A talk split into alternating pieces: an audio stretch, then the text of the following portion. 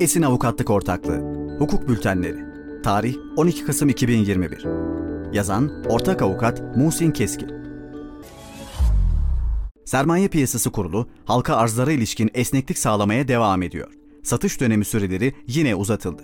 Sermaye Piyasası Kurulu 11 Kasım 2021 tarih ve 2021'e 57 sayılı bülteninde yayınlanan kararıyla 6 aylık ara dönem finansal tablolarına göre hazırlanan izahnamelerle yapılacak halka arzlarda satışa 1 Aralık 2021 tarihine kadar başlanabileceğine hükmetti. Karar ne anlama geliyor? Karara göre satışın 16 Ağustos 2016 ve 1 Aralık 2021 tarihleri arasında başlayacağı halka arzlarda izahnamenin 6 aylık ara dönem finansal tablolara göre hazırlanması yeterli olacak.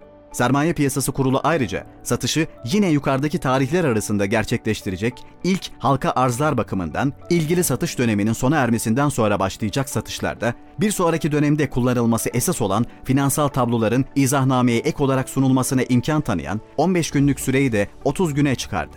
Bir başka deyişle 9 aylık ara dönem finansal tabloların izahnameye eklenmesi şartıyla söz konusu halka arzlarda satış 31 Aralık 2021 tarihine kadar başlayabilecek. Sermaye Piyasası Kurulu daha önce yıl sonu finansal tablolarına göre hazırlanan izahnamelerle yapılacak halka arzlar için satış süreci başlangıcını 14 Temmuz 2021 tarihine kadar uzatmıştı. Bu kararı 25 Haziran 2021 tarihli hukuk bültenimizde ele almıştık.